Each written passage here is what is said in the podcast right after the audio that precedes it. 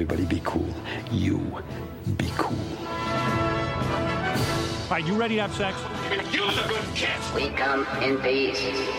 We come in peace.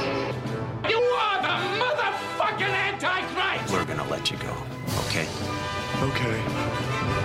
Film er best på radio. I'm gonna make him an offer he can't refuse. Nova Noir.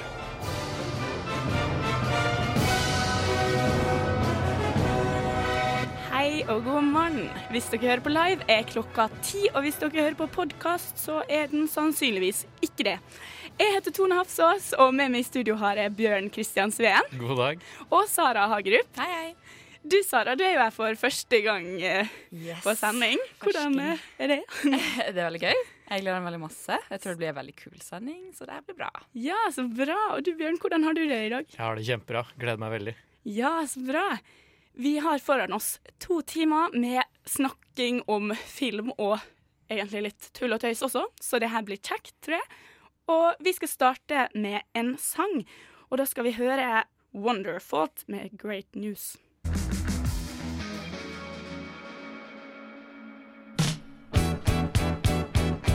Lyssna istället till Radio Nova. Det vi hørte, var Wonderfault av Great News. Og nå skal vi snakke litt om hva vi har sett siden sist. Har du sett noe spennende, Bjørn? Eh, Jeg har um, hatt en skikkelig oppkjøring til uh, Blade Runner 2049. Så jeg har sett Blade Runner, og så har jeg sett også Dennis Villeneuve-filmer. Uh, Sicario, Prisoners, Arrival. Så Ja. virkelig vært fokusert. Kult. Ja, Du da, Sara, har du sett noe spennende? Eh, ja, altså nå jeg begynner jo høsten å snike seg inn på oss her, så jeg har sett uh, Corpse Bride av Tim Burton fra 2005. tror jeg. Ja. Den er veldig koselig. Ja, herregud, den har jeg faktisk bare sett én gang. Mhm. Ja. Jeg òg. Jeg liker den faktisk ikke. En av Nei. de få i verden som ikke syns den er noe kul. ja. Den er egentlig veldig teit. Det er det som er litt gøy med den, at den er så teit at du kan bare liksom sitte der og bare leve, ha-ha. ja, jeg liker den. det var sært. hva er det den gikk ut på nå igjen? Det er egentlig Det er jo litt sånn eh, Ja, det er på en måte en, eh, en gutt som eh, bor i, en by, og han skal på en måte gifte seg med Anna, da, og så er det liksom ikke ekte kjærlighet, og så videre, det og så videre. sant, Og så er det Han går ut i skogen for å øve seg på hvordan han skal fri, da. Eh, og da accidentally klarer han å fri til en corpse bride som er begravd i jorda, og da blir det liksom Hater når det skjer, liksom. Ja, ja, det mm. Faen meg hver torsdag. Hver torsdag klokka ti til tolv på Radio Nova. Nei, men eh, ja, jeg har jo eh, som Jeg, jeg føler at sen, altså, hvis vi har faste lyttere, det har vi vel, hei mamma, eh, så begynner de vel å bli lei av at jeg hver gang på Sett siden sist sier at jeg har sett på Friends. For nå har jeg sett på Friends så jævlig lenge, og det blir jo aldri slutt. Jeg har begynt å hate Friends og elske det på en gang. Det, Men det, det er lam, altså. og det er så homofobt, heteronormativt, sexistisk at det går jo ikke an engang. Og der sitter jeg hjemme i stua mi og har lyst til å kaste dataen ut vinduet, men samtidig sitter jeg og ler. Men du må huske på det, Tone, at det For var en en annen tid. Ja. Det er sånn ti år siden det jeg ser på nå, da, tror jeg. Ja. Jeg tror det fakt Nei, Altså, det blir jo kommet til faktisk sesong lenger. Ja. eh, åtte, altså. Eller ni. ja. Jeg, jeg, jeg vet faktisk ikke hvor det er, men jeg tror det er sesong åtte et sted. Men ja ja. Det er i hvert fall Husk Det det er ti år siden 2007, og det har slutta vel i 2000, og, ja, 2000 eller 2001. eller Nå følte jeg meg veldig gammel. Jeg skal akkurat si det. Ok, Så det er ikke ti år siden, da det er sånn 15 Det er ganske til lenge 20 år siden.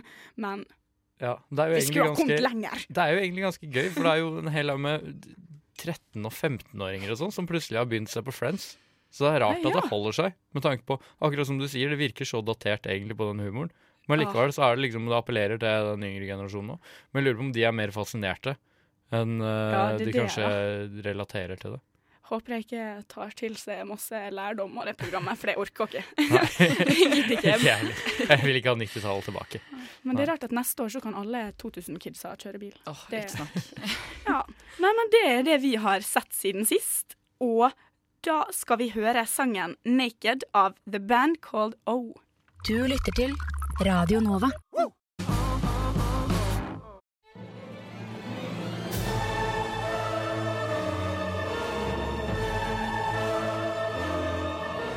Well, hello, Mr. Fancy Pants. I got news for you, pal. You ain't leading but two things right now Jack and shit. And Jack left town. Nova Noir gir deg ukas filmnyheter. Før det hørte du sangen 'Naked' av The Band Called O. Har du funnet noen filmnyheter til oss i dag, da, Sara? Ja, det har jeg. Jeg er jo som sagt eh, Avatar-fan, eh, på godt og vondt. Eh, Nå får vi mye hate fra redaks Ja. redaksjonen vår. ja. Så de neste Avatar-filmene de skal visst ifølge eh, 21st Century Fox bli de dyreste filmene produsert ever, sier de. Og da er det altså De har et samla budsjett på én milliard dollar til sam... Altså, altså vi snakker mye penger her. Det er mye penger. Eh, og den første filmen ble produsert i 2009, eh, og den neste kommer 2020 og 2021, og så er vi også 2024 og 2025, da. Men eh, ja. Ja, det kommer veldig mange på kort tid, da, nå når vi har venta i liksom elleve år. De begynte jo å spille inn i forrige uke Mm. Ja, shit. på Avatar. Men det er jo fire filmer som er planlagt. Da, så det blir jo altså det er fortsatt, det er klart det er et jævlig stort budsjett, men det blir jo 250 millioner dollar per film. Og eh, James Cameron har altså på topp ti-lista over de mest tjenende filmene noensinne, så har James Cameron både førsteplassen og fjerdeplassen, tror jeg. Hva er på fjerdeplass? Hæ? Hva er på fjerdeplass? Titanic, tror jeg. Oh, ja. ja! Shit. Mens eh, førsteplassen er Avatar, som Mhm. tjente 2,5 milliarder eller noe sånt. Sykt. Oh Det er Så dollar. Ja. Det, ja, Eh, Dollar! ikke, ikke kroner. nei. Så han får jo litt sånn derre han, han får definitivt mye gunst eh, av produksjonsselskapene. Jeg er skikkelig spent nå på å se hvordan det blir. Fordi jeg føler liksom at hypen etter Avatar har liksom datt litt ned. Så det Ja, er sånn ja. spennende å se hvordan det blir nå med disse nye. Om det klarer å ta seg opp igjen. Mm. Du da, Bjørn? Jeg um, har eh, at uh, Joakim Rønning, eh, skaper av Kon-Tiki, og også Pirates, Dead Men Tell No Tales, har, eh, er i prat med Disney om å ta roret ved innspillingen av Maleficent, oppfølgeren. Altså den oh, ja. Disney-filmen eh, som handler om uh, den onde stemora i uh, Ja, Angelina Jolie. Tornerose. Det er Ja. Er det ikke det? Mm. Ja. Eh, den så jeg faktisk på kino. ja, okay. Det er jo Ja. På. Netflix. og det er jo ganske stor vote of eh, confidence, eh, fordi den forrige tjente jo 750 millioner dollar, og det er jo ganske bra. Oi. Uh, og, Ja, men jeg skal ikke si nei takk til det, så Nei. Pirates, uh, Dead Man Tell No Tales, uh, tjente jo faktisk mer enn det, med 279 millioner dollar. Ja, det er latterlig mye. Liksom. Så, så det er mulig en, eh, en, skjønner jeg må en, endre eh, karrierevei. Det er mulig en rønning i eh, Hollywood nå som, som ligger an til å få store oppgaver i framtiden. Steike. Så det er jo litt gøy. Ja. Jeg har funnet ut at uh, han an, Hvordan uttaler man det her, da? Andres Muschetti? Mus, mus, vet du det? Muschetti. Ja, der har du det, vet du. Høres ut Okay. Men ja, det er ikke-regissøren, da. Han har lyst til å lage en ny Pet Cemetery-film. Ja, og det syns jeg høres dritspennende ut. Jeg har faktisk ikke sett den gamle, men jeg har lest boka, og jeg kjente at det, det her Akkurat sånne overnaturlige ting tror jeg kanskje at en film hadde gitt meg enda mer grøsninger av enn ei bok, selv om jeg likte boka veldig godt. Ja, ja. Jeg har ikke lest boka, altså er jeg ganske sikker på at det kom en film før også. At det er en film Ja, tidligere. mm, ja, den er fra Jeg tror det var 89 eller noe. Jeg har ikke skrevet den ned, men det var liksom Ja. ja. Jeg har ikke, jeg har ikke sett den heller, så min eneste referanse til Pet Cemetery er R.L. Stein, han som har skrevet historiene bak 'Grøsserne', som var på Fox Kids eller Cart Network eller noe sånt noe. Husker dere det? Nei. Det Eh, er Stephen King som har skrevet ja, ja, men det altså, han, har, sitt- han, han hadde sitt eget take på det. Eh, bare sånn laga for barn, da. Egentlig skrevet for barn. Ja, ok, ja, for Eh, Pet så- Cemetery er ikke for barn. Så det er den Nei. eneste, nei, så det er den eneste versjonen av, uh, av Pet Cemetery som jeg husker. Ja. Lavbudsjettsversjonen, B-filmversjonen av eh, Pet Cemetery, som så starta og var ferdig på sikkert 20 minutter. Ja, Sikkert litt Eh. mindre grotesk og forferdelig og Ja. Han har tydeligvis en, uh, han tydeligvis en mancrush på, på Stephen King, han uh, Musketti. Ja, men det burde vi alle ha. Har du ikke Altså, jeg tenker Pet Cemetery var bra, men da jeg leste Misery, så satt jeg midt på dagen ute i sola og var livredd Jeg satt og holdt pusten, og det var så skummelt å lese den, fordi den er så forferdelig skummel. Ja. Har du sett, uh, har du sett den uh, Netflix-serien som er basert på Altså, nå er det kommet det året her to nye serier som er basert på Stephen King-romaner. den ene er The Mist. Å, den har jeg hørt så mye bra om. sett den. Jeg, jeg syns den var veldig bra. Den har, det er litt sånn derre åkke som Altså, det er litt delte meninger. Jeg har noen kompiser som ikke syns var Som syns var helt greit, men ikke så veldig bra. Men Ja. eh, jeg syns det var uh, jævlig kult. Men så liker jeg Stephen King òg, da. Ja, Og så er det jo den derre hm? Ja, hva den andre heter? Den andre husker jeg ikke. Jeg tror den heter Gerald's Game, eller noe sånt noe. Den okay, ligger også på. Netflix. Det er en film, da. Eh, når jeg tenkt meg om. Men den ligger på Netflix nå. Kult. så jeg i går, faktisk. Og den er jo hyperkritikerrost som uh, den beste Stephen King-adopsjonen Hvorfor har ikke vi hørt om Ja, den? Det er litt rart. Eh, jeg har i hvert fall hørt om den, Ja. men eh, ja, OK, da. Jeg skal, jeg skal ikke si at jeg er så veldig opplyst på altså. jeg, jeg, Det virker ikke som den har fått så mye oppmerksomhet i Norge, egentlig. Kanskje det er fordi den er eh, Jeg lurer på om den kom rett på Netflix? Eller kanskje den ikke hadde noe cinematisk eh, slipp i Nei, Norge? jeg prøver å følge litt med, på en måte, men den har faktisk gått med Nei. hus forbi. Liksom. Jeg har ikke fått med meg alt dette. Så hvis du er glad i Stephen King, så er det tydeligvis mye på Netflix å sjekke ut. Kult. Kult. Mm. Har du ikke sett noen andre filmnyheter som var spennende å ta med, eller? eh, Neil Gaiman eh, har jo eh, Han hadde jo nå American Gods er blitt eh, lagt, laget som serie på Amazon eh, Prime. Til stor suksess, etter min mening. Det er jo litt delte meninger om det, men det er vel relativt kritikerros. Jeg syns det er noe av det kuleste som noensinne er laga. Men eh, det, han skal jo ha en ny eh, filmatisering nå av den boka som han skrev sammen med Terry Pratchett, som heter Good Omens. Og de har akkurat Det her er kanskje ikke news for eh, mange, men, eh, men de har i hvert fall casta John Ham eh, denne uka til å spille i den serien. John Ham, som er kjent fra Mad Men, og kanskje nyligere fra Ok. eh, Baby Driver. Oh, Han kjekke, høye Ja, da snakker vi. Der datt det Så på han, plass.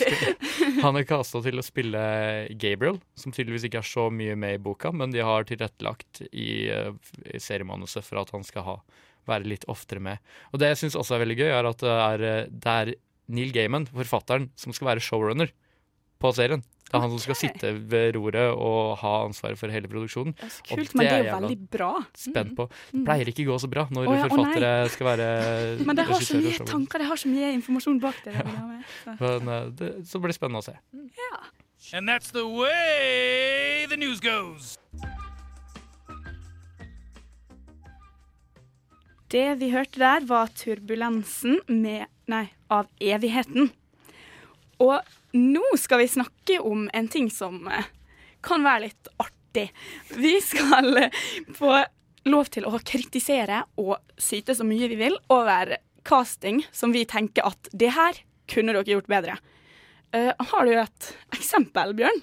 uh, det har jeg. Um, og, for jeg var veldig i tvil om det her, for det er ikke noe som jeg egentlig kanskje tenker så mye over. Mm. Men så begynte jeg altså å google litt, og så fant jeg et eksempel som jeg er sånn jævlig enig i. Fordi Topher Grace, eh, også kjent som Eric Foreman fra That 70's Show, spilte jo um, Venom i Spiderman 3-filmen. Og det er kanskje den rareste castinga som jeg noensinne har sett. For når du har Eric Foreman, og typisk liksom kjent, veldig kjent fjes for å være litt sånn stakkarslig og barnslig og sånne ting, det er jo greit. Også, det er gøy å så vende liksom det inntrykk folk har av deg, men å gå inn som en massiv liksom en bad guy, som i, blant annet som altså i tegneserien er en svær fyr. Det er Ja. sånn Alle inkarnasjonene i tegneserien er Ja. liksom en diger muskelbunt som tar benkpress og er liksom sånn Altså, til, som referanse, det er Tom Hardy som spiller hovedrollen i den neste Venom-filmen, Uh, som kommer neste år, tror jeg. Um, så det, det, det irriterte meg jævlig når jeg så den filmen. Men det er jo Spiderman 3, da, så det er jo alt som kunne gå feil, gikk feil. Til og med regissøren uh, sier det sjøl, at han, nei. han, han er misfornøyd med den filmen. Så, så det er liksom Det er noe med det der. Uh, Ja, men det er jo akkurat det samme som de gjorde i Wonder Woman, føler jeg, da. For han David Thulis Jeg vet ikke om det er akkurat sånn man uttaler etternavnet, men det er altså han som spiller professor Lupin i Harry Potter. At han skal være RS, det er jo virkelig så langt ut på eh, ja, åkeren. Det det er bare sånn Han er også en ja, Han er jo en eh, litt eldre fyr, har blitt, og skal være den Altså, jeg tenker en gud eh, som Ares skal være, blir ikke eldre. Å, da som tar- Ares krigsguden? Ja. Ja, okay. Han er krigsguden Ares, og han, han skal være Altså, de har jo på en måte CGI-fiksa han til å bli dritsvær og stor og sterk og skikkelig sånn derre Å, nå skal jeg være slem, jeg skal virkelig vise at jeg er slem. Og det er bare sånn Jeg har aldri sett noen ta i så mye for å virke slem. Ja. Det er bare sånn Han er en jovial type, så Mm. please don't. Jeg tror jeg har et problem med han, ja, fordi eh, det, jeg husker ikke helt hva det var, men det er et eller annet annet som jeg har sett han i, der jeg var sånn Å, herregud, han er så flink, jeg elsker han, han er kjempebra. Og Taleråd, eh, vår eh, redaksjonsmedarbeider, eh, var bare sånn Er du gæren? Han var helt forferdelig. Eh, så jeg lurer på om jeg bare har en sånn softspot. Jeg Ja, har du ikke tenker sett at han kan gjøre alt? Ja, han kan gjøre det er greit for meg. Han, han, han, han kan spille det er nye greit. Maleficent-filmen. Ja, sure. Han kan spille Maleficent, Ja, ja. Ja. Men altså, mitt hovedproblem med på en måte rolle da, det er det at jeg på en måte har Jeg føler at de fleste skuespillere har på en måte en, en sånn aura over seg. Mm. En sånn måte de er på, så de Ja, på en måte passer nesten bare i de rollene som de allerede er blitt casta i. Så jeg, liksom, det blir så feil å se på en måte en person som du forbinder med noe helt annet, spille i en film som du tenker bare sånn OK, hva er det her? Så for eksempel altså Jim Carrey. Uh, da tenker vi liksom kongen av slapstick-humor, Ja, liksom. Hvis dere har Bruce Almighty, Ace Ventura og Yes Man, ikke sant? Han ble da altså casta i en thriller-dramafilm fra 2007. Uten ironisk distanse? Ja, ja, ja, ja, ja. En seriøs liksom, thrillerfilm om en mann som blir besatt av tallet 23. Altså Filmen heter Number 23, liksom. Og det er bare så feil. Jeg klarer ikke å ta altså, det seriøst. Den, den filmen For jeg er ikke helt enig med deg. Nei, slett. ok. Fordi det er sånn, nå, det, det er sånn, det, Den kritikken der var liksom grei i 2003 eller noe sånt noe, men vi har liksom okay. siden hatt, uh, hatt 15 år med Jim Carrey i dramatiske roller, og gode dramatiske roller. Ja. Sånn som Altså, det Hva er det den heter for noe? Det ja, det er en film om en kino, jeg husker ikke hva den heter akkurat nå. Og liksom eh, Eternal Sunshine and Spotless Mind. Ja, ja, ja. Og også, for den saks skyld, hva heter den derre dramakomedien der han er eh, Der han er fanga inni et Han er adoptert av et TV-selskap. Husker du hvilken jeg mener? Nei, jeg husker ikke. Faen, det er Hæ? Truman Show, ja. Ja, Ikke sant? Show. Ja, selvfølgelig. Det er jo den der, eh, klatra ut av, eh, Altså, ja. jeg, jeg skjønner hva du sier. Jeg bare Ja, er ikke helt nei, enig. Men altså, det som er greia, er at det, altså, klart alle der også skal han være litt komisk. Ja, men altså, alle skuespillere kan utvikle seg. Jeg sier ikke det at man liksom må være stuck i rolla forever. Ja, og er de Det ja, så skal det gå. Det er litt som Ja, band, det, på en måte. At liksom, ja, du kanskje forbinder deg med noe, og når det kommer noe nytt eh, eksperimentelt liksom utvikler seg sjøl, sånn, så blir det litt sånn OK, dette her er ikke det jeg forbinder med deg. Og jeg Mm. sier liksom ikke det at han kanskje ikke har tatt seg opp i liksom dramarollen, da, men akkurat da, i den filmen, så var det bare sånn Det her Men For jeg veit hvilken film du snakker om, og Ja. den, den, den har andre problemer, den filmen. Altså. Ja, det har den. Ja. Det har den. Men jeg bare føler at uansett at han burde ikke ha spilt i det. Altså hun som hovedrolla der. Altså. Det bare blir helt feil i hodet mitt. Oh, jeg, nei, ja, men jeg kan se den. Jeg gjør det. Ja. Men ja, bare sånn korrigering. Den filmen som, om kinoen som jeg ikke kom på i stad, den heter The Majestic. Ja. Eh, jeg syns den er veldig bra. Sjekk den ut. Ja. Ja, OK. Ja, men kanskje vi skal ta en liten sang der før vi fortsetter diskusjonen. Og da skal vi høre Linje 5 snakker av Don Martin. På Nova Noir så liker vi all slags type film, spesielt norsk film. All norsk film er best film. Send en norsk film til oss, gi den ti av ti.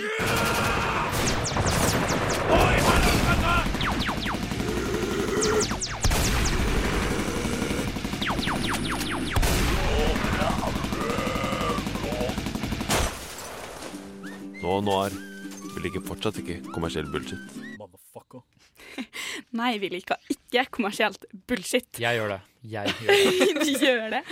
Jeg tenker, når vi snakker, Nå når vi snakker om dårlig casting, så føler jeg det er én ting vi ikke kan gå utenom, og det er da castinga av Gary Oldman i filmen Tiptoes. Vi snakker altså om ja, Jeg føler nå blir det veldig mye Harry Potter fra min side her, men det er han som spiller Sirius Black, og han er casta som kortvokst. Han skal være Han, han Nei.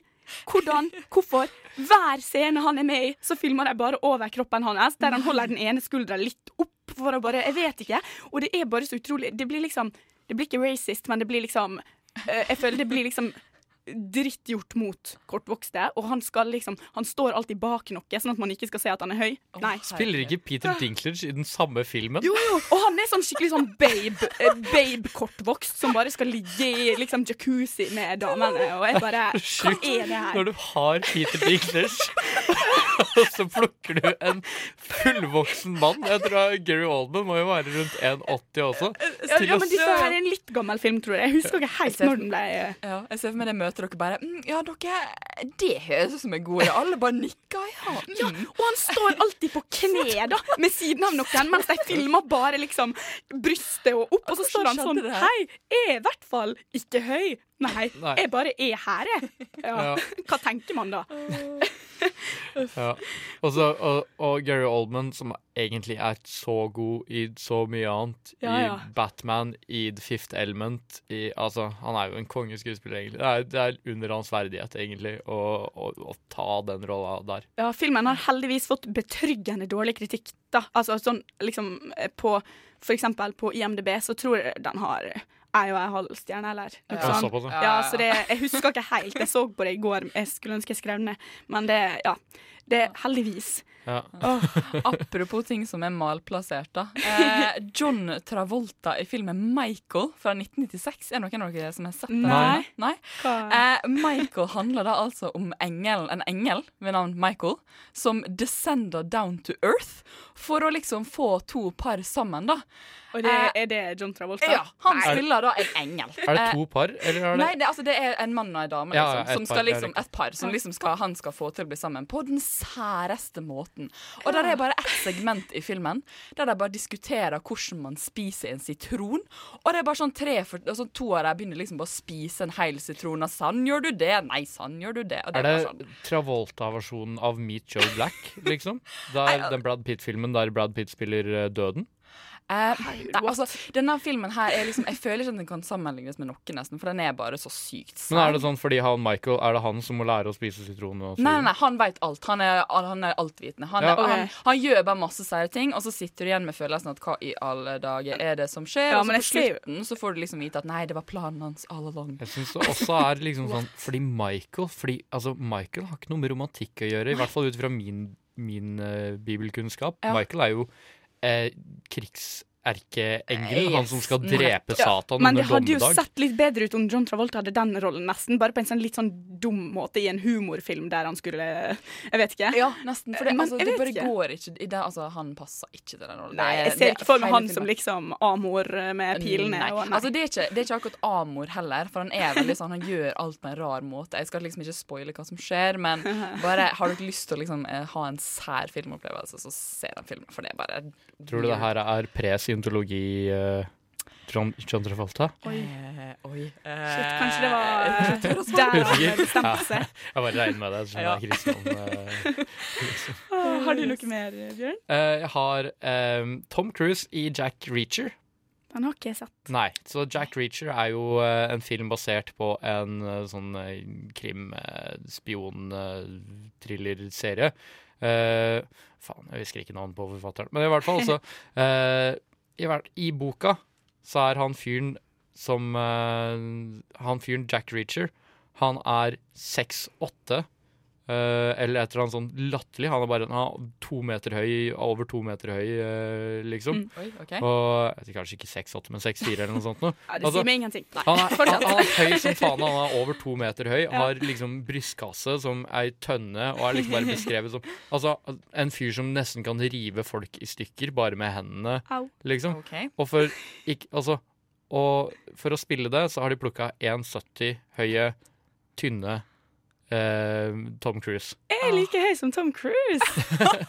yes! Tuller du? OK. Det hadde jeg aldri sett for meg. Men ok, da vet jeg det. Men uh, Så det, det blir jo veldig rart overfor de som har lest bøkene. Jeg har ikke lest bøkene, og jeg var nok en av de som var Jeg, jeg var greit positivt innstilt til, eh, Mm. til den filmen når det kom ut. Mye av det kan nok ha med at Werner Herzog spiller bad guyen i den filmen. Og han, Hei, hvem du- hvem du sa? Werner Herzog, legendarisk tysk filmskaper. Oh, ja. And his uh, way of speaking is uh, very uh, is very uh, particular. And, uh, så Ja. det er bare dritgøy. Og så er det I don't understand how they can give up on survival this easily. Det er bare sånn det, Bjørn Kristian Sveen der, altså. Jeg har sjekket på YouTube. Jeg tror, jeg tror den, jeg er veldig stolt av den Ja, ja, etterligningen, men det er egentlig. Ja, bra. bedre, Vi må ha bra, mer, bra. eh, bedre enn jeg forventa sjøl. mer av det i studio. Åh. Nei, når det kommer til uh, feil casting uh, Jeg vil ikke si dårlig casting i det tilfellet her, men en ting, ja, bare for å fortsette på Harry Potter-linja kan, vi, kan vi være så snill snakke om Harry og Ginny? Det går ikke. Nei. Det finnes null kjemi mellom Bonnie og Daniel. Det er ingen ja. kjemi. Hvem som helst av dem kunne liksom De kunne lagd rom romantikk på, foran kamera med mann på gata, med Ja. hvem som helst, men ikke med hverandre. Det er så forferdelig. Det, er vel, føler, det føles veldig påtvunget. Sånn, å shit, ok, hva gjør vi nå? Ja, du vet hva vi passer Disse to her, det høres ut som en god idé. Ah, nei, det sånn, liksom, I boka er det så fint, og så bare på skjermen Så blir det bare så feil. Men kan jeg rette en liten sånn motstand mot det? Fordi Ja, vær så god. jeg syns de er litt sånn søte, for de er litt samme typen. Fordi det er, sånn der, det er ingen av dem som er sånn veldig emotive, og det er ingen av dem som er så veldig liksom, lidenskapelige, og det er kanskje derfor de passer om. Det er litt sånn introvert kjærlighet. Jeg syns det er så rart. Og når hun, når hun skal liksom komme bort til han og mate han med denne jævla paien, eller hva det så faen det er for noe. Det er så og det er liksom, hun løfter han opp til munnen hans, og alle som sitter og ser på, er bare sånn Make it stop. Make it stop. Og så kommer Ron og setter seg midt imellom dem, og alle som ser på, bare Thank God, that's over. Og vi bare Nei. Men det er liksom sånn derre det, det føler jeg er nesten mer en directing uh, issue. Fordi jeg føler du kunne gjort det, fordi de er litt sånn der, De er litt introverte typer begge to. Det kunne vært ganske søtt. Jeg tror det er liksom mange som kunne Ja, men det er Jeg føler mange- ja, men ikke det er skuespillerne sin feil. Nei, men altså, jeg syns at de kunne gjort det bra på andre måter, men jeg føler egentlig at hele karakteren Ginny har jo mista alt i filmene, da. I Mm, i utgangspunktet. Altså, hun har litt mer ilter og sånne ting i bøkene. Hun er definitivt. dritkul. Men de hadde jo allerede kasta henne fordi hun passa veldig godt fysisk når hun var bitte liten. Så er sånn der, ja, det er jo enten Altså Det hadde vært rart om de bare plutselig hadde bytta henne ut også. Ja, ja, ja, absolutt. Men jeg føler det mangler en scene, på en måte. Jeg føler det mangler liksom litt kontekst mellom Mm. dem. Jeg føler at det ikke er nok på en måte sånn de to har et eller annet special moment-opplegg, liksom. Sånn Mm. der du skjønner liksom OK, dette her er meant to be, liksom, eller et eller annet sånt. Det mangler noe sånn helt essensielt, Ja. på en måte, som du får egentlig gradvis bygd opp i bøkene, men som du ikke får liksom servert i filmene, da. Det, det jeg syns er veldig rart, er sånn herre eh, Spoiler, eh, hvis du ikke har lest Harry Potter-bøkene eller sett filmene by now. Når de Så sminka, fortjener du den spoileren her. når de er sminka som gamle på slutten av den siste filmen, det syns jeg faen meg de skulle spart seg. Vi hører Det sukking fra tekniker Simon Lima her på sida. Det syns jeg er håpløst. Ja, men det er vel eh, alt vi har tid til på eh, det her. Så da skal vi høre sangen 'Palace' av Buzz Vipers. Can't see a goddamn thing. Quit griping. I like griping. Come on, knock it off. Nova Noir elsker å klage over dårlig film. Det var det altså 'Palace' av Buzz Vipers. Og etterpå så skal vi få en eh, anmeldelse av den nye Blade Runner-filmen. Men før det så skal vi få en liten eh, oppvarming til det, da du, Bjørn, skal fortelle oss litt om han regissøren, Denis Villeneuve. Ja, Denis Villeneuve. Hvis det er noen som har hørt meg snakke om Denis Villeneuve eh, tidligere, så har de hørt meg uttale det på veldig, forskjellige, veldig mange Ja, ja. forskjellige måter. Nå har jeg hørt han selv si navnet sitt, så nå er det Denis Villeneuve. Men der får han for å ha et navn som er åpen for tolkning. Han er jo fransk-canadier, eh, har, eh, og, og det som jeg spesifikt vil snakke om, er at eh, jeg likte Denis Villeneuve veldig godt fra å ha sett 'Arrival' av. Det var et eller annet med 'Arrival' som fikk meg til å liksom virkelig huke tak i han. Um, og så var det jo liksom det at han skulle regissere Blade Runner-oppfølgeren. Ja, for den sånn har du gleda deg til den, den har jeg gleda meg til. Um, eh, om, om det var verdt å glede seg til, det får du høre etterpå. Men, uh, men uh, i hvert fall. Fordi det er en eh, Det er jo det her med sci-fi-filmer. At de ofte handler mer om det visuelle. Det er, det er ofte mer Star Wars. Eller liksom, det handler om liksom uh, oh, her er verdensrommet. Oh, her har vi laservåpen. Her har vi eksplosjoner. Uh, og så videre. Det handler veldig ofte om det visuelle. Jeg liker også å lese sci-fi-romaner. Uh, og de kan ofte variere veldig i innhold. Sånn som en bok som heter uh, Dune. Å, Dune! Dune. Åh, Har du lest Dune? Jeg har lest den. Ikke sant? Hvordan oh. i helvete filmer du Dune? Nei, det, altså, det går jo nesten ikke. Nei, det er fordi- jo det som er så sykt. Som, som, eh, her. det er jo sånn halvkjent at det er jo um, eh, David Lynch gjorde et forsøk i 1982 Nei, Ja. 1984 Ja. Uh, på å filmatisere Dune, og det er den største floppen i uh, David Lynch sitt liv, Oh, tror jeg. yes. Den tjente ikke inn sitt eget budsjett eh, og i det hele tatt. Den har fått en mindre kultstatus blant David Lynch-fans siden. Oh. Men, og, for, for, og for folk som var oppvokst med den, som bare syntes den var kul fordi det var for unge til å vite bedre. på det tidspunktet. Men fordi det er jo en bok skrevet av Frank Herbert, en fyr som var interessert i allting i hele verden. Eh, Ja. og, og det er sånn der, Så den liksom av ting som den tar for seg, så er det jo liksom eh, eh, filosofi, økologi, politikk, makt, ære, moral, og det er liksom sånn alle mulige sånn filosofiske eh, betraktninger om menneske, om the human condition. Og det er sånn derre hvordan faen lager du film på det her? Og det er veldig mye av boka foregår på innsiden av hodet til karakterene, og det er betraktninger og sånn. Så det er ikke egentlig Den er ikke egentlig så filmbar.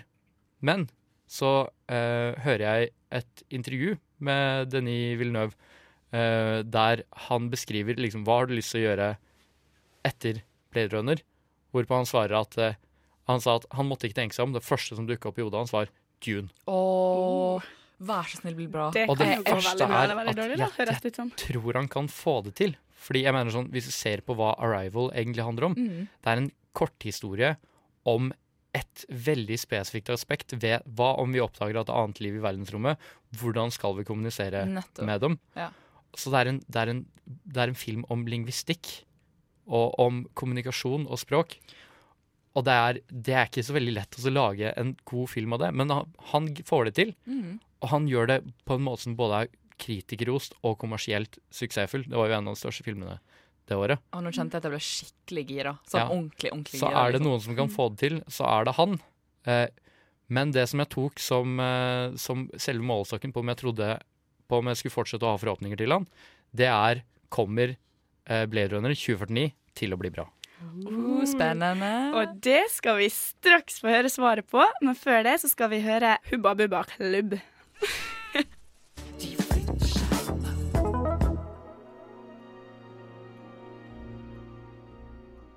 Ukens kinopremierer.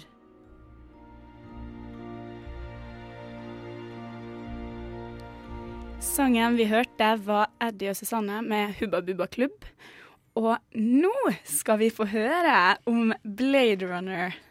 Ja, det, det er jo en film som jeg har gledet meg til ganske lenge. Jeg er jo stor fan av eh, den første filmen. Kanskje, som jeg- snakka om om før sangen, hvis du hørte på det, eh, at den første Blade Runner-filmen er liksom kanskje den første sci-fi-filmen som jeg kan komme på som tar for seg mer enn bare liksom Altså, det er, ikke, det er andre filmer som også gjør det, men det er sjelden filmer som gjør det så godt som den første Blade Runner-filmen. Tar for seg noe filosofisk i en sci-fi-setting, sånn er egentlig for å sette enkle spørsmål på spissen.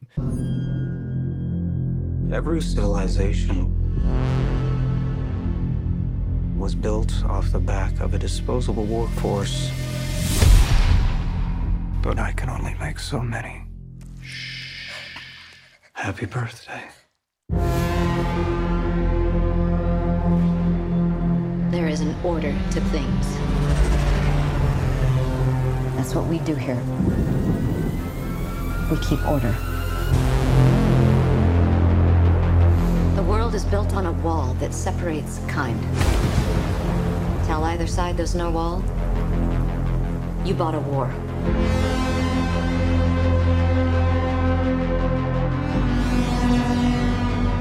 You're a cop. I had your job once. I was good at it.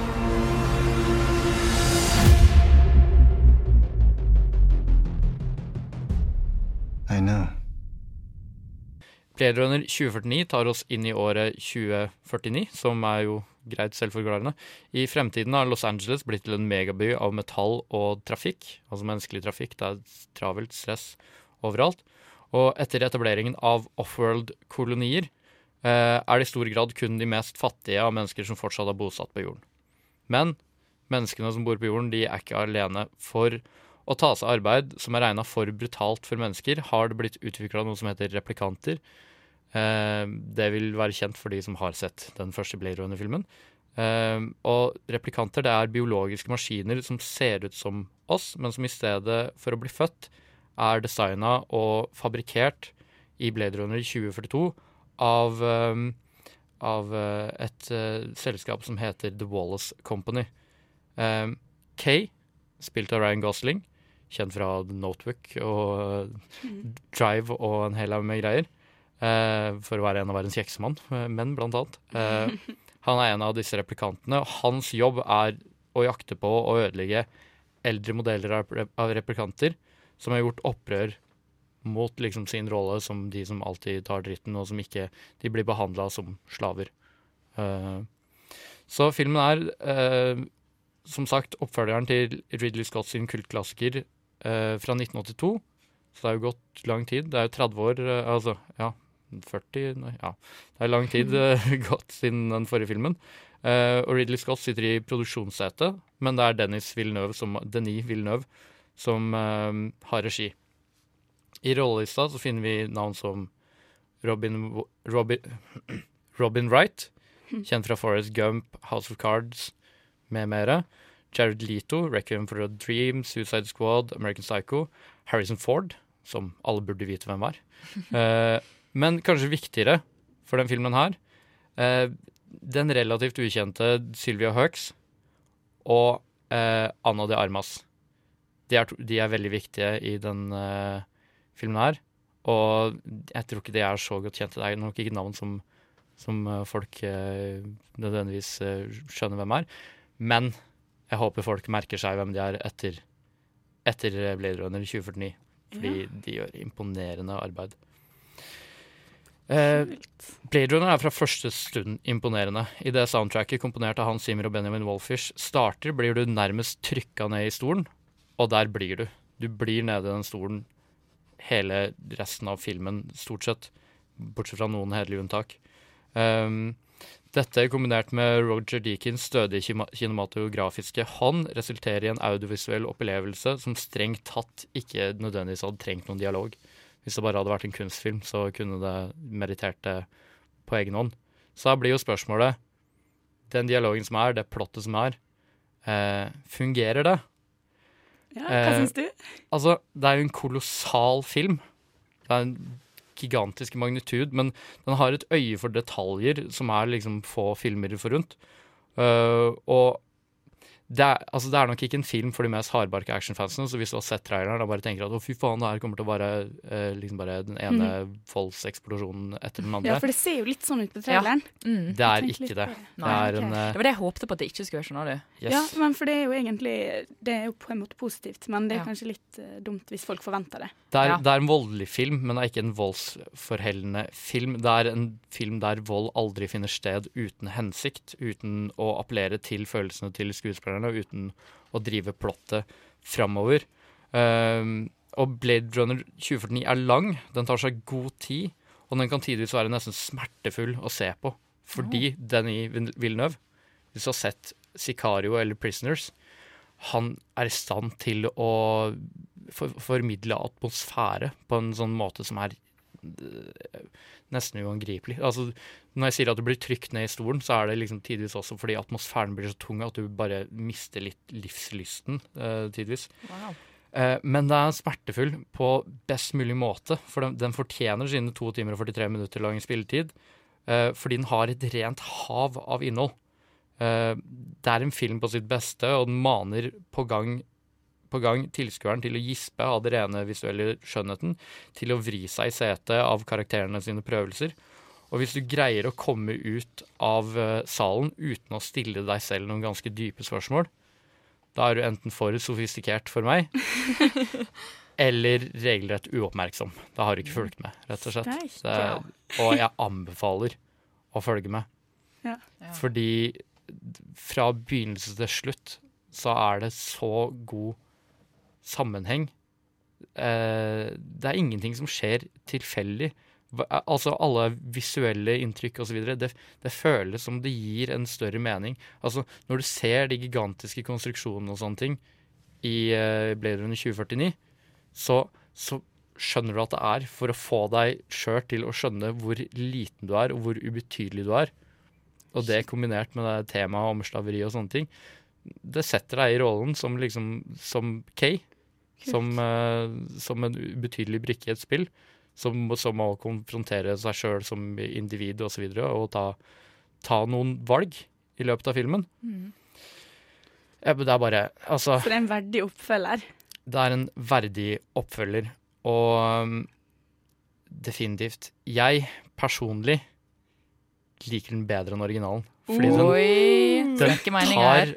Originalen og bare tillegger og legger til og legger til, og det er Åh, så, så mange spørsmål som blir stilt på forskjellige måter, og det er, det er så mange nyanser. Um, Føler du at filmen er forbedra Altså denne filmen her er forbedra den forrige, på en måte? Yes. At den har økt på en måte kompetansen eller hva jeg skal si, til den forrige? Jeg Mhm. føler den har liksom tatt uh, Blade Runner og bare liksom brukt den som et springbrett for å, for, for å øke. Mm. Øke på temaet. Så utrolig Så spennende. eh, rett og slett, jeg gir Blade Runner 2049 ti av ti. Nei! Umiddelbar klassiker. Og for det, Ok. jeg føler jeg kan si det, Det er fordi sjelden det skjer, altså. jeg visste innen to minutter å komme ut av salen at den her skal jeg se igjen. Ja. Og jeg har også tenkt å se den på kino igjen. Det er god Kanskje følelse. både én og to ganger. Ja, Oh, det, det er den beste kinoopplevelsen jeg har hatt på ti år, tror jeg. Jeg gleder meg så innmari masse nå. Ja, jeg så traileren og syntes den så veldig spennende ut, men jeg har jo ikke sett den første. Har du sett den første? Jeg har sett den første. Jeg så den første på ungdomsskolen, og jeg ble helt eh, tatt av dage. Den er fantastisk, så jeg har gleda meg så sykt masse. Jeg har bare ikke hatt tid. Å, Men nå skal jeg iallfall ta meg tid, Ja. uansett. Og på slutten så vil jeg også bare anbefale folk å gå inn på YouTube og se de tre prolog-kortfilmene som er laget spesifikt for å introdusere deg for eh, Blade Runner 2049-verden. Og også se gjerne den originale Blade Runner-filmen før du ser den her. Ja, det tror jeg er det, lurt. det tillegger til uh, følelsen. Men du trenger ikke å ha sett Blade Runner for å sette pris på den filmen. her. Ok. Den var så spennende. Mm. Da var det altså en anmeldelse av Bjørn Christian Sveen av Blade Runner som fikk ti av ti. Og nå skal vi først høre en sang som heter 'Strangers' av Elida Høgamen. Og etter det så skal vi få høre Taleråd sin anmeldelse av Tom of Finland, som vi har spilt inn på forhånd.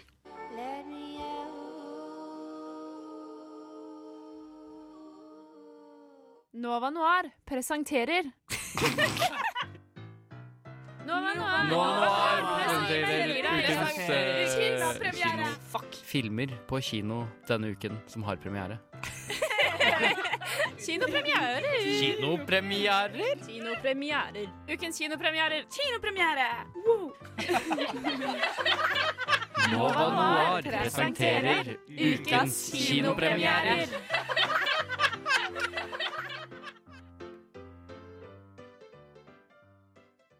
Hei, Italia! Du har jo vært og sett på film i løpet av uka.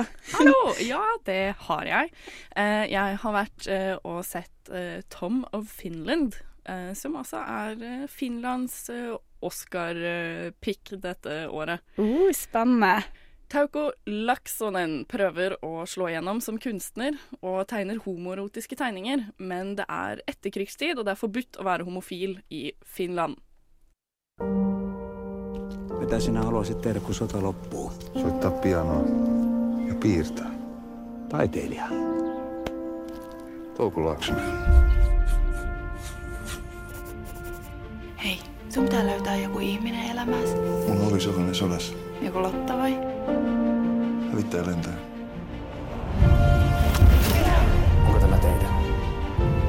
We used to put scum like you into concentration camps. Palaa paperia. Ei se ole vain palaa paperia, se on atomipommi. Have you published this in Finland? It'd be easier to publish these in the Vatican. Kaikkea pitäisi nähdä nää. Mä en ole mikään vapaustaistelija. Touko, mitä tää nyt on? Tuli yhtäkkiä mieleen, että on aika siirtyä eteenpäin.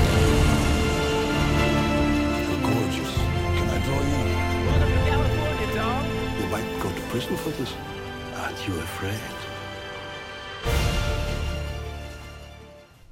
Ja, Um, altså det her handler jo om en Det er jo basert på en sann historie. Og eh, det handler om, eh, som jeg sa, Tauko Laksonen. Det er litt vanskelig med de finske navnene, merker Ja, men det må være greit. Hvis noen finner og hører på, så send inn klage på når man er på Face. Eh, men han uh, ble jo senere også da kjent som Tom of Finland fordi han uh, måtte bruke pseudonym, fant han ut. Fordi at det var jo, som, som sagt, ulovlig å være homofil på, den, på den tida. Han har eh, han serverer, altså sånn, Vi møter ham først da som uh, soldat i uh, andre verdenskrig, eller under andre verdenskrig, hvor han sammen med den finske troppen sin De slåss jo på tysk side under krigen og hjalp Tyskland med å på en måte ja, slåss mot Sovjet, da. Å, shit, det hadde jeg glemt. Ja. og allerede da så ser vi at Toko er homofil, og eh, ja, finner tonen med en av de andre offiserene. Um, og det her er jo ikke egentlig liksom uh, hovedpoenget, eller hovedplottet med filmen. Det er bare en sånn inngang, da, det med krigen og sånn. Uh, bare litt sånn for å vise hvor på en måte vanskelig det var, da. Um, det var, virker som at det liksom var vanskelig for han å på, på en måte finne folket sitt, da. Veldig sånn der ensomt. Eh, man kunne jo ikke si til noen at man var eh, homofil, så på en måte Måten han gikk frem på, da, eh, var å Det var liksom litt sånn parker rundt omkring som han eh, fant ut at det var homofile som hang i, da. Så gikk Ja, med sånn sånn på kvelden. Eh, og så liksom sto det masse menn i skyggene bak eh, Ja. trærne og sånn. Og så, Men sånn var det jo i Norge og Ja. Sverige og ja. sikkert Så overalt. Ja, i Norge faktisk så fant jeg ut i stad at eh, det var ulovlig å ha eh, homofil sex til eh, 1972. Wow. Ja.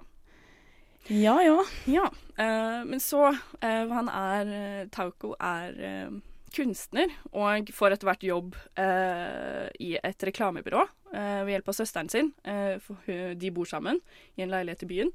Eh, men som en sånn side, sideprosjekt da, så begynner han også å tegne de her homoerotiske tegningene sine. Uh, og i starten så bruker han de liksom um, til, som lapper, på en måte. Eller altså sånn, han gir de til fremmede menn for, som han liksom føler at han får en vibe fra. Uh, og så liksom sånn, gir han en sånn tegning, og så for å på en måte spørre sånn Er du på samme side som meg, liksom?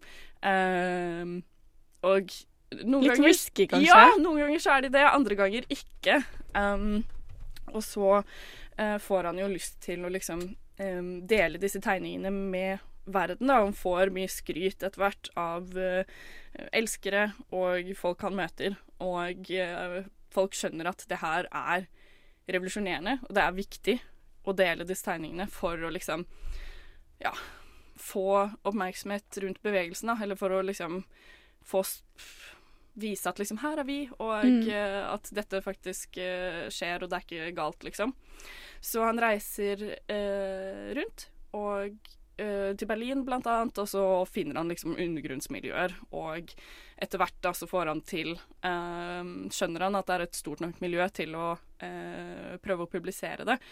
Men litt sånn sånn som man hørte i traileren, så sier de jo litt sånn morsomt at eh, det er det er nok lettere å publisere disse tegningene i Vatikanet enn det det er i Finland. Mm. Eh, så han skjønner at han må eh, eh, dele de kanskje et annet sted, så han sender de til eh, USA, hvor eh, San Francisco, hvor det er mye større Miljø. miljø for det, da. Eh, mer åpenhet rundt det å være homofil. Nå er vi på sånn typ 70-tallet. Mm. Eh, og han finner virkelig liksom eh, folket sitt og får etter hvert en ganske stor sånn fa fanbase da, i eh, både i USA og rundt omkring i verden.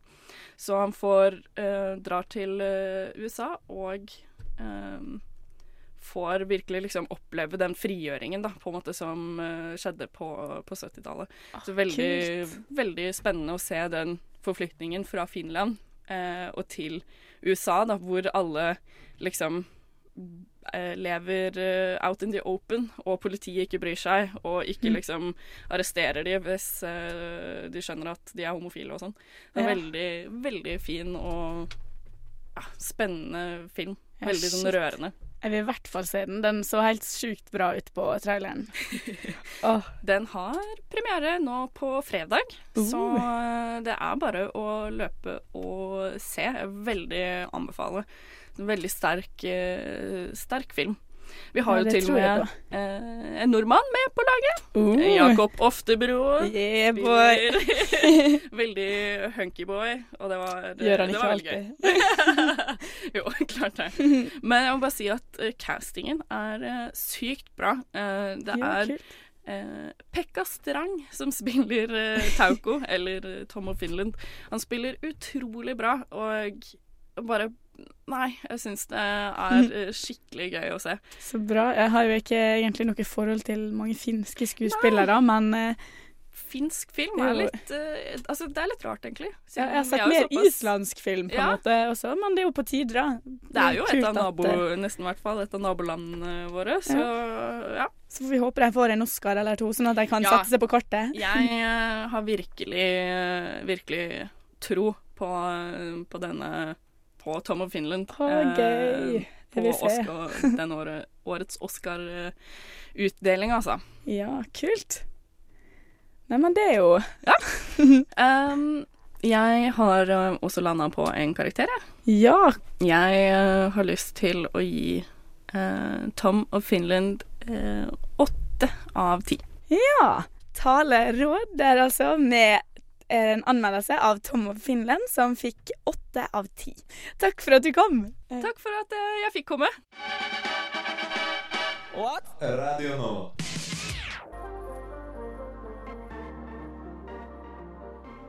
Det var Der jeg bor av Verdensrommet. Eh, og nå skal vi ha 20 spørsmål. Er det en thriller eller er det komedie? Det splatter eller er det en tragedie? Er den dårlig, vant den Oscar, eller er det noe du kunne ha filmet selv? Er den skummel og må ses om dagen? Er den trist og gir deg klump i magen? Når ble den laget, og ble det klaget av familie og venner da du satte den på? 20 spørsmål med Nova Noir. Er du klar for å gjette hvilken film jeg tenker på? Julie der, altså. Herlig. Oh, yes, så jeg, jeg vet litt usikker på akkurat hvordan det her skal eh, foregå.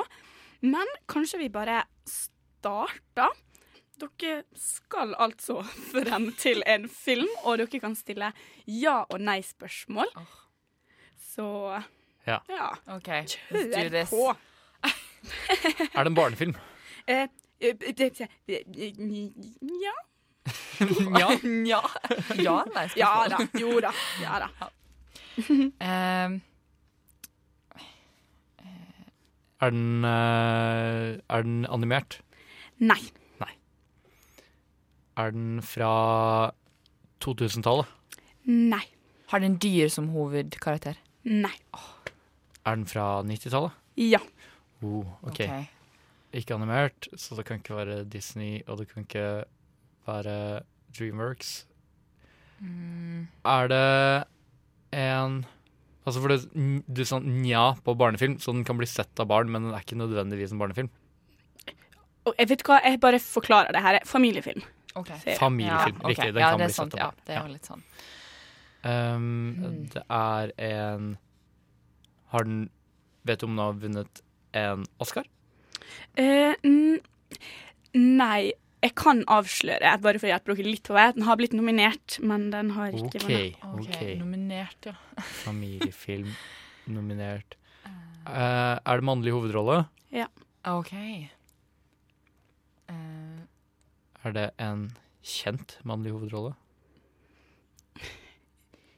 Ja, det vil jeg si, men jeg kan ja, jeg, jeg føler at ja-nei-spørsmålet ble litt vanskelig nå, men det er litt i hovedsak på grunn av det her, da. Okay. Ah. Ja.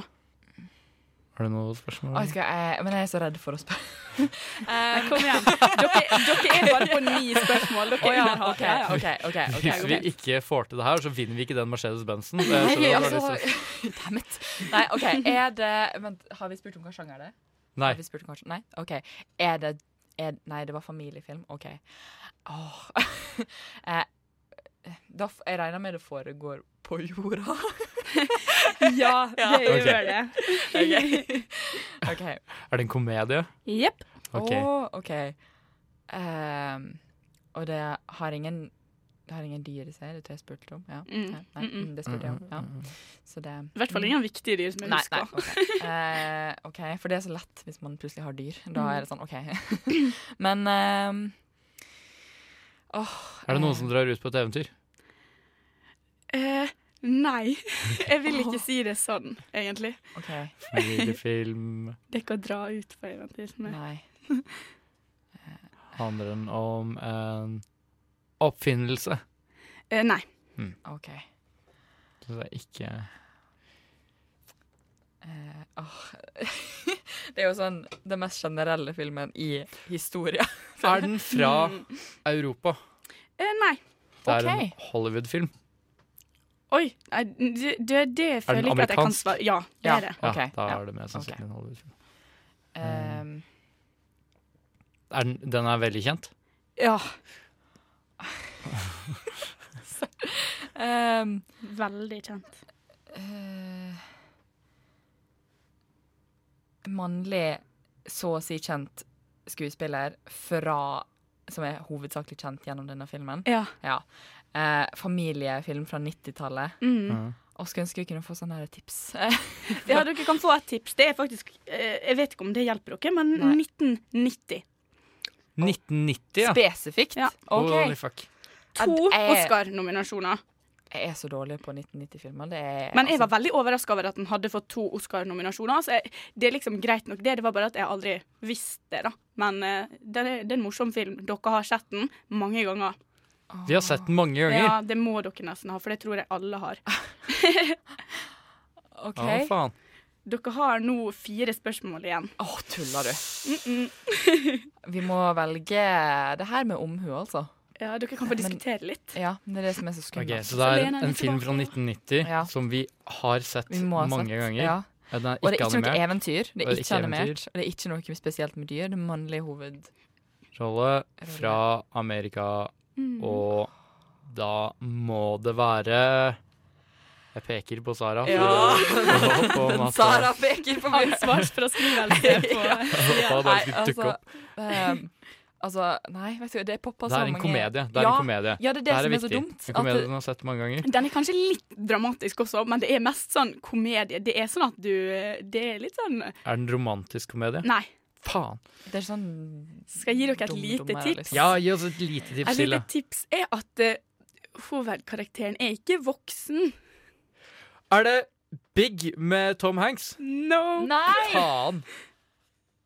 Han Ah, han vet det! Jeg ikke Simon Lima på sida, tekniker, Tekniker har forstått det. Føler jeg meg Der, ja. Å, å, å, herregud, seriøst! Hjemme alene? Det var Nei, du, jeg nesten men sjøl, altså. Er ordentlig skuffa over meg sjøl. Det burde jeg tatt for lenge siden.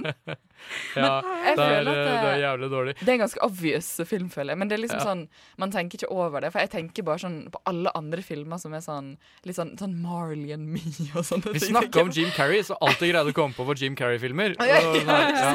Det må bli liksom stuck i litt sånne Ja. Ja. Nei, men sånn er det. Det gikk sånn ish. Litt hjelp fra tekniker, men allikevel. Nå skal vi høre 'Bombs' av Mave.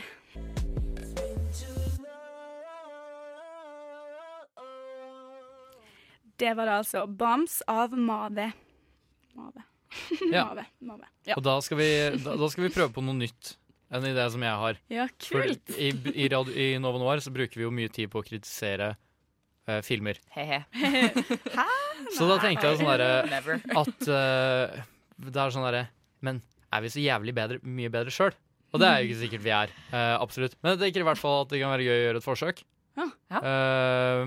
Eh, Så derfor så har jeg, jeg har utsatt meg sjøl for egentlig noe som jeg syns er jævlig flaut, men, uh, men som jeg håper skal bli litt morsomt, da. Vil du at vi skal være snille, eller vil du at vi skal slakte det Eh, det kommer jo an på hvor bra du liker det, eller om du ikke Hvis du Vi syns det er helt forferdelig, slakt det. ok. okay. Ja, det går bra, jeg, jeg tåler det. The gloves are off. Hvis du syns det er eh, OK, det er en film som jeg hadde sett, så, så liksom Så si det. Okay. Så i hvert fall. Jeg har ikke Altså, så eh, jeg kaller det her Novo Noir lager manus.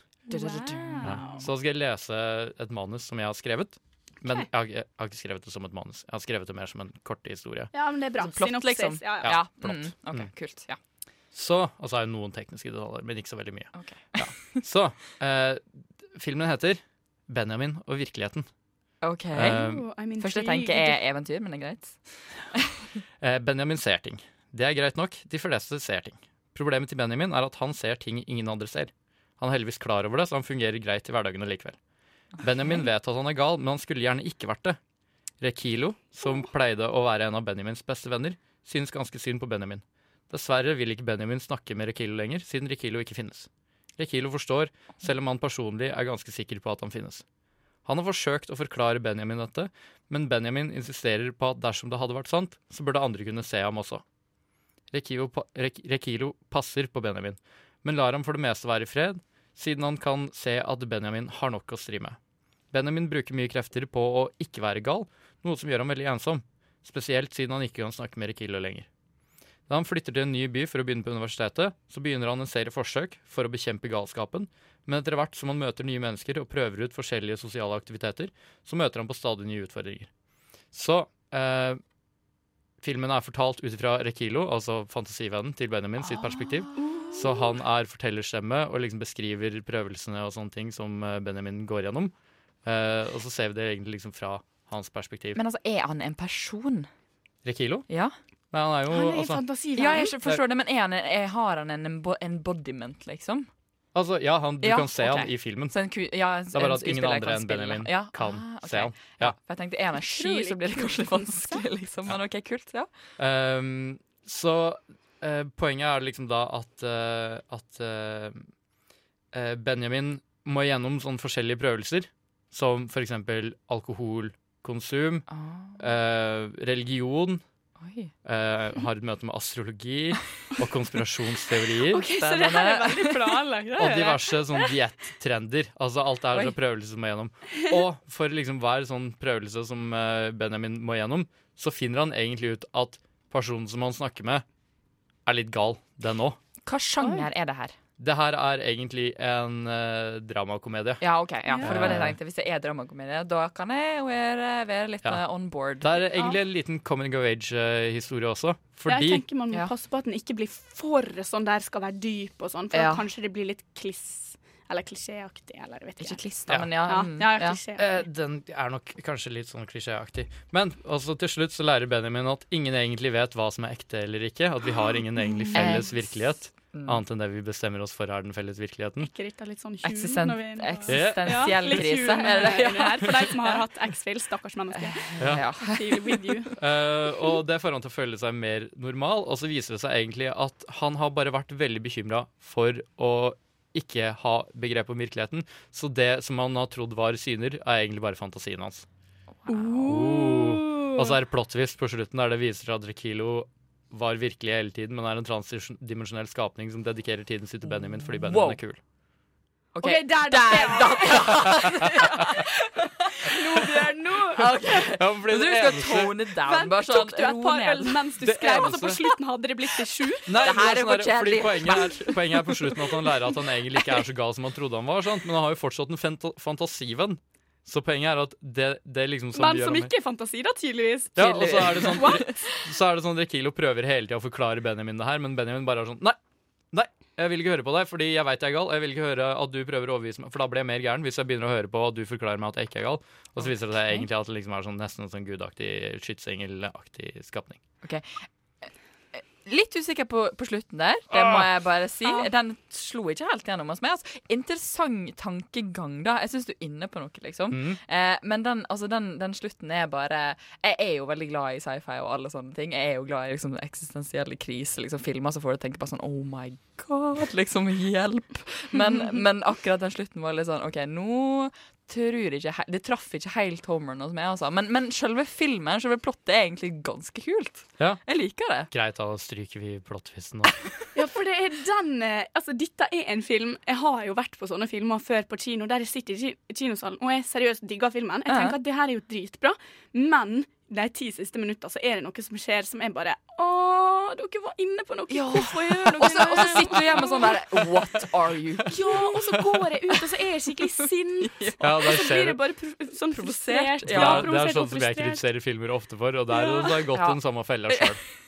Fy jeg, faen. jeg hadde blitt litt sånn på slutten der, fordi at jeg liker at ting er litt realistisk. Og det, kan, det er realistisk at noen kan ha en fantasivenn. på en måte ja, At det går an, å ha, går an å se litt syne og på en måte ha noe oppi hodet sitt som ikke helt er utafor. Men når det da plutselig er sånn Nei, det var ikke tull, det var bare litt magisk. Men si på, det litt sånn, si, på, si på slutten at han bestemmer seg for at det er greit å ha en fantasivenn likevel, da, fordi Rekilo er liksom god og passer på han og er Ja. oppmuntrende og egentlig bare gir ham bedre sjøltillit. Ja. Tror du du er med på det, eller må Rekilo bare bort fordi jeg, han jeg eh, tenker slutter? kanskje at for min del så hadde det optimale vært at han kommer til en some sort of closure med Ja, livet sitt, ja. og sånn at han ikke trenger Rekilo lenger? Ja. Ah, ja, ikke sant. Det, det, sånn. det jo Men det kan også bli litt klisjé igjen, da. Ja, men Så samtidig så leder føler jeg at den filmen ja, allerede er litt sånn. Men jeg tenker at det er nesten bedre at han liksom kommer liksom til terms med seg sjøl om at OK, liksom det er greit, men nå må jeg liksom kind of let go. Jeg må på en måte finne min Ja. egen, min egen Ja. greie, liksom. Og ja, at han har liksom skjønt hele greia. Og så får han nye venner, så han trenger ikke Rekilo lenger. For eksempel. Ja, ja, ja, At han endelig møter noen som er litt ja. på samme Mm. nivå. Men hvis jeg da gjør disse konstruktive endringene, er det da en film som dere ville gitt meg budsjett for å lage? Ja, ja, jeg er jo eh, sykt, sykt, sykt rik, så jeg gir det, jeg gir det et par eh, Jeg og Tone minst vet du, så vi har Ja, ja, ja. Jeg vil ha 250 millioner dollar. Eh, 250 millioner dollar, det Eh, ordner vi. Avatar Det er null 2-budsjettet. Ja. Ja, ja, ja. Vi trenger ikke å spleise engang. Vi kan gjøre ser at hver. det her blir en jævlig bra film. OK, nei, men da er jeg fornøyd med det. Ja, men det var jo en veldig artig eh, del av sendinga her. Men da skal vi høre Red Dragonflies av Ane Bjerkan. She's got a great spike, huh? I'm Jessica, by the way. Hey, you're from Arizona, right? Yeah. Aren't people from Arizona supposed to be like really tan? Yeah. Maybe that's why they kicked me out. You're good. Nova Noir vet å sette pris på godt manus. That's so funny.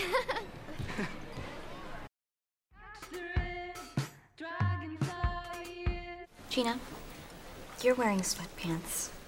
It's Monday. So?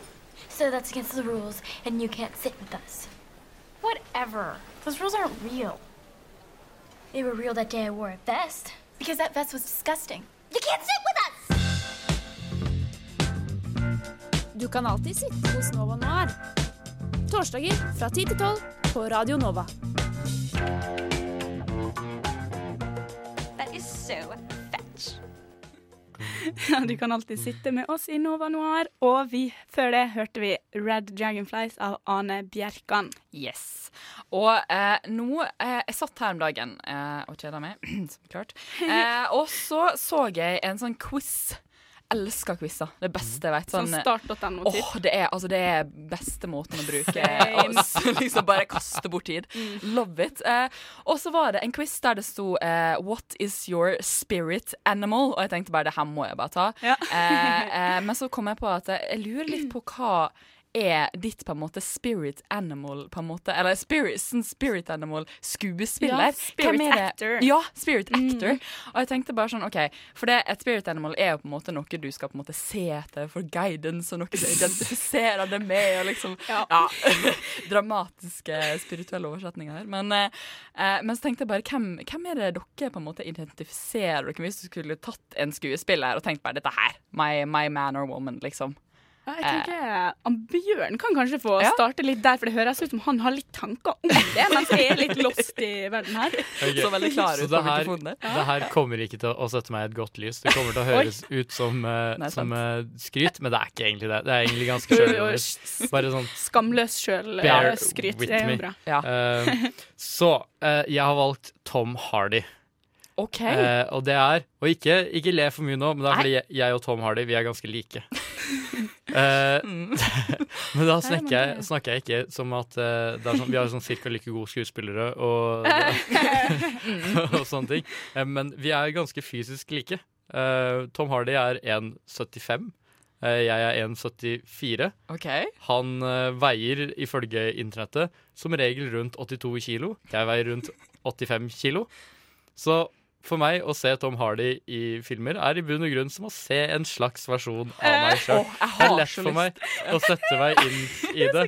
Uh, så, så jeg syns det er veldig gøy. Og så er det også Han spiller alltid Sitter du og i liksom roller som snakker replikkene samtidig som han sier dem? ah, Spesielt når jeg ser Ja, på Tabu. Eh, for kan ikke sånn se med film det, altså. han spiller alltid sånn Hvis jeg skulle vært skuespiller, eh, så spill, ville jeg spilt de samme rollene som Tom Hardy. Altså, Jeg liker alle rollevalgene hans. Og det er jo sånn som med Tabu, som jeg er en serie som han i stor grad har produsert og hatt ansvaret for sjøl. Mm. Det er veldig min estetikk. Han er alltid liksom litt sånn melankolsk. Alltid han liker veldig godt å bli skitten og liksom sånn derre dra seg gjennom gjørma. Liksom. sånn. Jeg synes det er noe litt sånn derre kult i det her. Så liksom grunnen til at jeg velger Tom Hardy, er fordi han er fysisk lik eh, som meg. Og han framstår veldig ofte han, men litt sånn der, Tom Hardy på sitt verste framstår som sånn jeg føler meg på en veldig god dag. Jeg har ikke lyst til å se dere to komme gående hånd i hånd ned, ned gata. Det hadde vært Så hvis du hører på Tom. Hardy, eh, send meg en melding. Eh, jeg tror vi kunne blitt gode venner. Herlig. Og du da, Tone, har du lagt noen tanker i det her? Ja, altså, jeg har jo sittet i sofaen min og tenkt og tenkt og tenkt. Har jo ikke kommet fram til så veldig mye, så derfor så gjorde jeg faktisk det at jeg gikk inn på Google og søkte Which actor are you? Og så trykte jeg på de to øverste testene, for jeg tenkte at én er jo ikke legit nok, Nei. men to, da vet vi det. Da er vi sikre. 100 Ja. Mm, ja, ja. Da kjenner man eh. Så jeg tok to stykk. Og det som var så fint da, var at på den ene så fikk jeg altså et resultat som jeg var utrolig fornøyd med. Så okay. jeg skal jo selvfølgelig leve på det veldig lenge. Ja. Jeg fikk Emma Watson. Ja, Emma Watson er jo et fantastisk menneske og et forbilde, så jeg tenker at ja, ja, jeg er akkurat som hun. Mm. Vet du hva, når jeg ser den, sånn som jeg kjenner deg, så ser jeg den litt. Ja. OK, det er det fineste noen har sagt til meg. Ja, da, det skal jeg leve lenge på. Da må dere alle lyttere huske det. Men på den andre testen der kom jo det at Altså, jeg husker ikke navnet på dette mennesket engang, men det var Det sto altså som svar You are bla, bla, bla. You're in almost every movie, but no one recognizes you in the background, and no one remembers you, og sånn. Og jeg bare Takk skal du faen meg ha! Det, det stemmer i hvert fall bare, ikke fordi okay. man legger merke til når du er i rommet. Definitivt. Nei. Eh, Jeg- jeg går for Emma Watson. Jeg går for Emma Watson, jeg også. Ja. Jeg, for det. Emma Watson. Jeg hadde litt uh, problemer med å finne min egen, skjønner du. Ja, men det det var. Men jeg husker jeg kom på en ting. Eh, jeg tenkte bare sånn eh, Jeg var jo Altså, jeg er jo sykt eh, Lord of the Rings-fan. Mm. Og jeg tenkte hvis jeg skulle hatt én person så skulle det vært en sånn eh, spiritual guidance-person som kunne bare kommet på skuldra mi og gitt meg råd i nødens tid. Så skulle det ha vært eh, Galadriel. Nei. Å, såpass, ja. Ja, Kate Blanchett, liksom. Ja. Eh, som spiller i, Lord of the Rings, Ringens herre. Eh, og jeg syns at det har vært ganske kult. Jeg vil ha en alveengel til å passe på meg, gi meg råd. Ja, Um, Engel, det hadde vært fint. Ja, og hun spiller jo også i forresten denne uh, Thor Ragnarok-filmen som kjø- Eller helt kommet ut? Nei. Nei, den kommer. Kommer nå, ja. Mm. ja. Ja, Mm. ok. Ehm, altså, så Kate Blanchett er, uh, er svaret, men det, det liker jeg. Fordi, Ja. Ikke sant? Jeg føler at hvis du hadde Fordi nå beskriver du det som litt som en skytsengel. Eh, nesten, men det Ja. er jo det Ja, som var liksom jeg har liksom tenkt litt mer sånn hvem har man lyst å ligne på? Ja, og jeg det har jo det veldig lyst på til å ligne på Emma Watson. Ja, ikke sant, det var det jeg prøvde på, men jeg bare fant ikke noen som Jeg fant ikke noen som er, som er på en måte liksom bare Åh, det, disse, denne Men- personen er lik meg, liksom. Kate Blanchett er et fint ideal å strekke seg etter. Ja, Ja, jeg tenker hun er veldig fin, sånn som sier. kvinnerolle, på en måte, er veldig Ja. glad i. Jeg liker det. Det var liksom veldig sånn Jeg tenkte når jeg kom på det, så tenkte jeg bare sånn OK, dette her, det må jo være det må godt for noe, liksom. Ja, og jeg tenker at det, er så- Hun er som du sier veldig fin å ha Ja. sittende på skuldra og gi råd.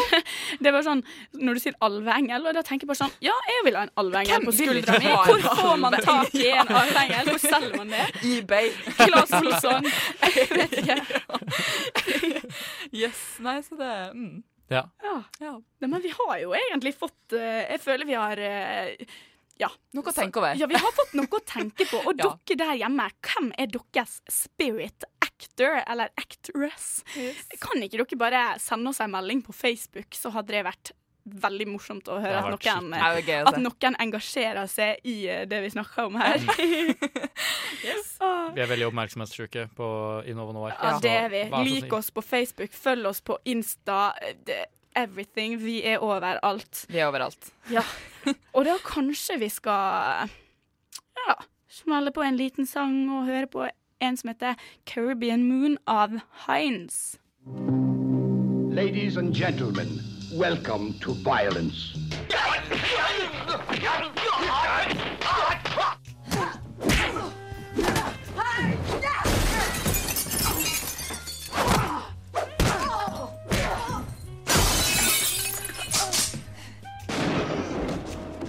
You got knocked the fuck out, man! I'm gonna get medieval on your ass. Oh, what the fuck's happening? Oh, man, shit, man. Oh man, I shot Marvin in the face. Why the fuck you do that? I didn't mean to do it. It was an accident. Nova Noir. Fordi det er helt greit å skyte noen i hodet på film. Det var altså Caribbean Moon av Heinz. Ja, det har jo vært eh, om det er snart to timer siden vi starta. Hva, Hvordan syns du det har gått, Sara? Det er jo første sendinga di i dag. Nei da, det har gått veldig bra. Eh, Jeg syns det har vi snakka veldig mye om mange interessante ting. Eh, Ja, jeg har lyst til å være med mange flere ganger, så det Ja, blir bra. bra. Jeg synes det har vært veldig gøy å ha dere i studio. Ja, takk, takk. Du Bjørn, har du noen planer for helga? Jeg skal eh, faktisk på Filmens hus og på todagers seminar om eh, afroamerikansk film. Utrolig kult. Så det, det er egentlig eh, noe jeg ikke vet så jævlig mye om. Er det så påmelding? Er det sånn at folk som hører på, kan melde seg på fortsatt, eller er det stengt, eller er faktisk litt usikker. Jeg vet at det koster penger. Eh, Mm. Jeg får det jo gratis via skolen. Hei, hei.